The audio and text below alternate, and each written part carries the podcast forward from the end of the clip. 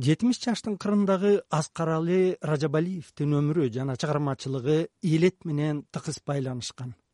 Кыргыз эл жазуучусу султан раев баамдагандай жазуучунун аңгемелери чакан повесттери баткендин эч ким байкай албаган жашоосунун ретроспективасы. Бирок да аскарали ражабалиев көркөм табити жазуучулук чеберчилиги жана дүйнө таанымы жагынан бүгүн динозаврга айланып бараткан улуттук адабий момунттордун үркөрдөй тобуна кирет. Ал лекин улуттук жана дүйнөлүк адабияттын алыптарына жетеленип кетпей өзү билген дүйнөнү өзү сезгендей жазганга жетишти. Ага карабай рухий дүйнөсүн үзбөй суугарып турат. Калемгердин өздүк китепканасында соңку жылдары бишкек алма ата москвада чыккан адабий тарыхый философиялык эмгектер толтура. Алардын арасында улуу абайдын казак тилиндеги академиялык эки томдугу казак классиги мухтар магауиндин чыңгыз хан тетралогиясы орус акын жазуучулары борис пастернак андрей битов юрий казаковдун тандалма жыйнактары бар. Мындай бай китепкана ордолуу бишкектеги өзүн калемгер дегендердин көбүндө жок аскаралы ражабалиевдин жазуучулук тууралуу ойлорун жана сагыныч кушу деген новелласынан үзүндүнү эшитип жазуучунун дүйнөсүнө дарча ачыңыздар. Биринчи сегизинчи класста бир кыска аңгеме жазганмын бакмал эжем деген. Анын уулу коксон авария болуп каза болгондо ушул апамдын бир тууган эжеси аябай кайгырып дептерге жазганмын да бирок аны таштап коюп ошол мезгилден баштап болгон ойгонуум баштаган экен да. Анын үстүнө биз дарыянын жээгинде жашайт элек. Анда эл аз токой дарыянын шаар шуу түнү күнү барабар бал тутабыз токойдо ойнойбуз. Кыскасы романтика. Балалык жомоктуу дүйнөм анан кичи кызар таш айылында башталган уус сүйүүм өмүр шеригимдей жүрөгүмдүн бир четинен түнөктап жашап кала берди түбөлүк сегизинчи класста окучумун айылдын орто ченинде болчу. Менин эркек тана пенде экенимди өзүмө сездирген кыздын үйү бир жолу апам атама минтти атасы бияка караңыз ии карадым кыздуу үйдү аңдымайы эрте башталды го уулуңуздун деген апам күлүп. Ого ушундайбы деген атам да жылмая берип кызыл буудай өңү нурдана апам менин гүлүнү ыктап жүргөнүмдү бирөөлөрдөн укса керек. Азыр ойлосом менин эрежеге жете баштаганыма жетине албай сүйүнгөн жерлери экен экөөнүн. Мен союздун мезгилинде эле колума кирген орус адабияты эмес дүйнөлүк адабиятты кудайга шүгүр үйрөнүүгө жакшы аракет кылган экенмин да.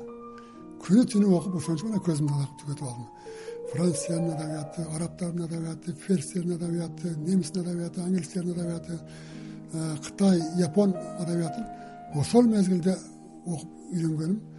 Менин базамды түздү да. Анын үстүнө мен союз мезгилинде бир жакшы нерсе эле орустун алдыңкы адабий журналдарына гезиттерине новый мир болобу москва болобу знамя болобу дружба народов болобу. Ошолордун баардыгына жазылчу элем баардыгына жазылдым. Ал эмес азербайжандын алтайдын чубаштын татардын башкурттун э, өзбектин казактын түркмендердин гезит журналдарына жазылдым.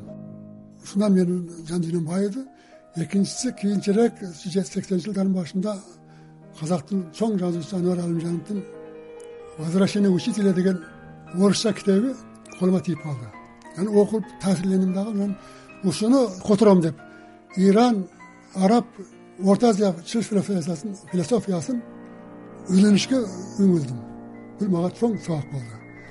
Бияктан европаны үйлөндүм бирок союз таркагандан кийин ошол булактардан кескин түрдө кан буугандай ажырадык. Э, ажыраган менен эгерде адам каалоосу болсо умтулса баары бир табат экен.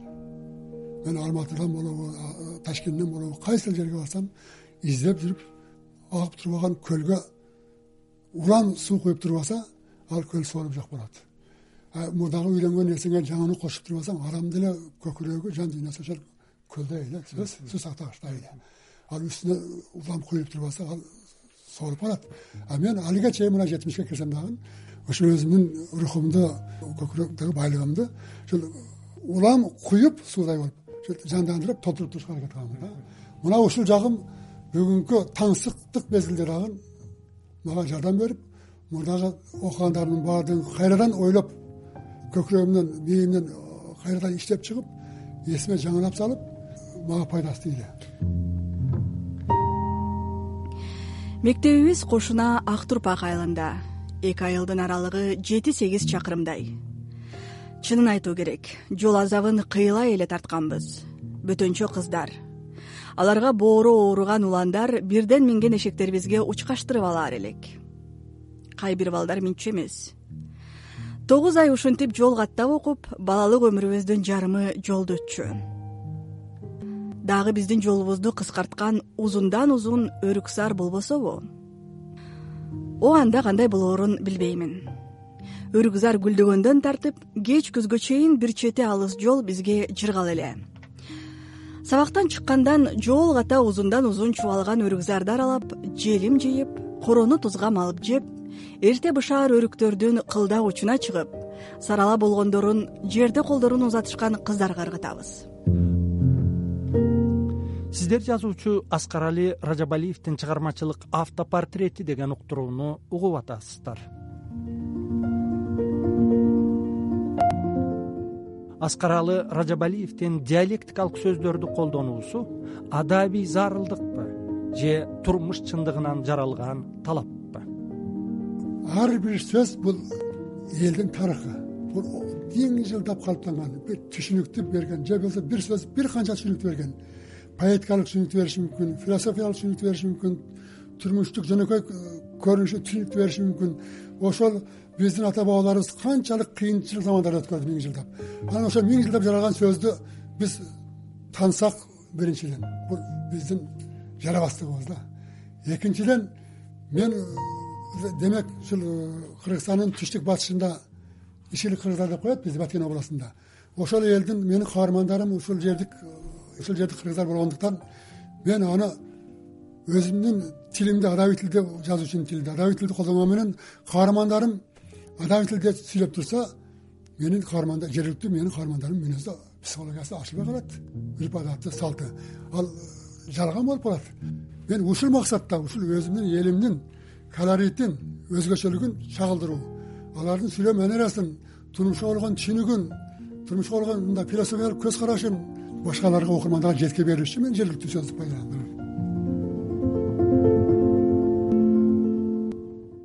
кийинчерээк балдар четтен велосипедтүү болдук. Эми мурдагыдай эшек минип көп кечикпей калганбыз сабактарга. Дали кыздарды бирден учкаштырып алмай. Балдар кыздарды бирден ээлеп алышкан. Менин энчиме гүлү тийген. Мен сегизинчи гүлү жетинчи класста. Апрель. Өрүктөр ак тумандай гүлдөгөн убак өрүкзар гүл деңиз аппак булуттар өрүкзарга бөгүп мекендеп алгандай. Мектепке жеткенче гүл аралап гүл кечип барабыз. Кыздар бөтөнчө сулуу болуп кетишет мындайда. Он беш велосипед гүл туманда каалгый учуп кыздардын көйнөктөрү желектей желбиреп күлкүлөрү жаңырат. Кеч кирет он беш велосипедке он беш кыз учкашып гүл ааламында каалгый айылга жөнөйт. Мен ошондо ак булуттар алай. Аккуу минип бараткандай сезип кетчүмүн өзүмдү.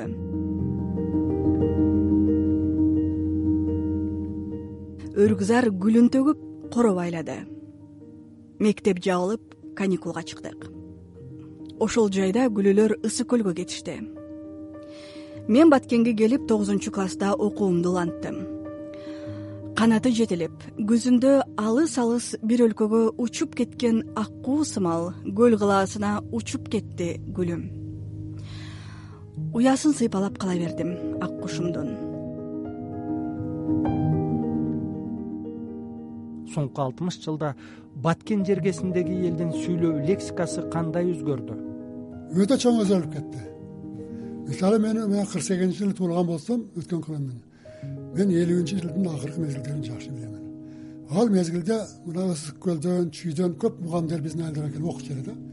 Биздин элдин элдин сүйлөгөн сөзүнө түшүнбөй бул эмне деп атат? деп калчу эле анан катнаш алыс болуп анан жазуучулар аз чыгып биздин мына ушул өзгөчө ичкилик кыргыздардын тили күндөлүк практикада илимде адабиятта маданиятта колдонбогондугунун натыйжасында өгөйлөнө берип чоочун учурап калган экен да.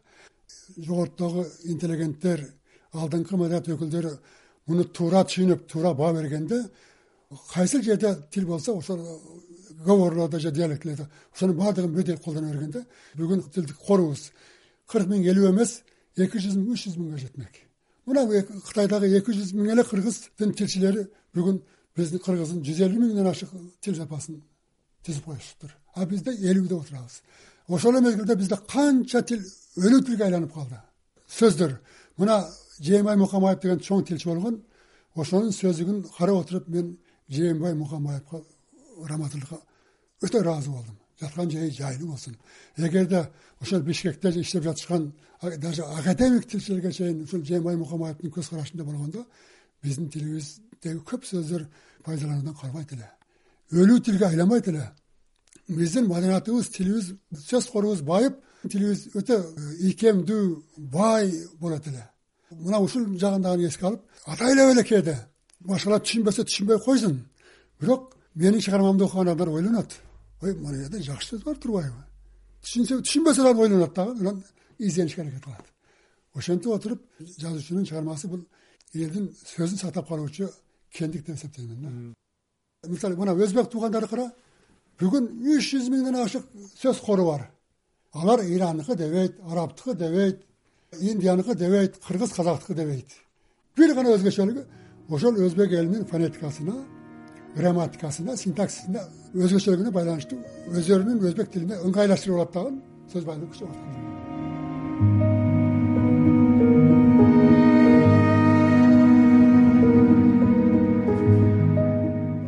азыр деле кез кез недентир кыжаалат тартып көңүлүмө эч нерсе сыйбай калган күндөрдө бөтөнчө өрүк зар чаңдап гүлдөгөн кездерде айырге барып жүрөм.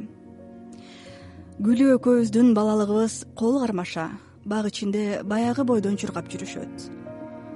Бирок гүл тумандын арасында ак көйнөгү менен ак жоолугу көзүмө бир элешип бир элешпейт бакыран көз ак жумал арык чырай секелек эле менин балалык көкүрөгүмдү алгач кытыгылаган кыз. Шол саамайы сапсайган секелек кыз менин балалыктын ширин уйкусуна көөшүлө уктап жаткан сезимимди чымчый ойготуп коюп көл тарапка кайкып учуп кеткен эле.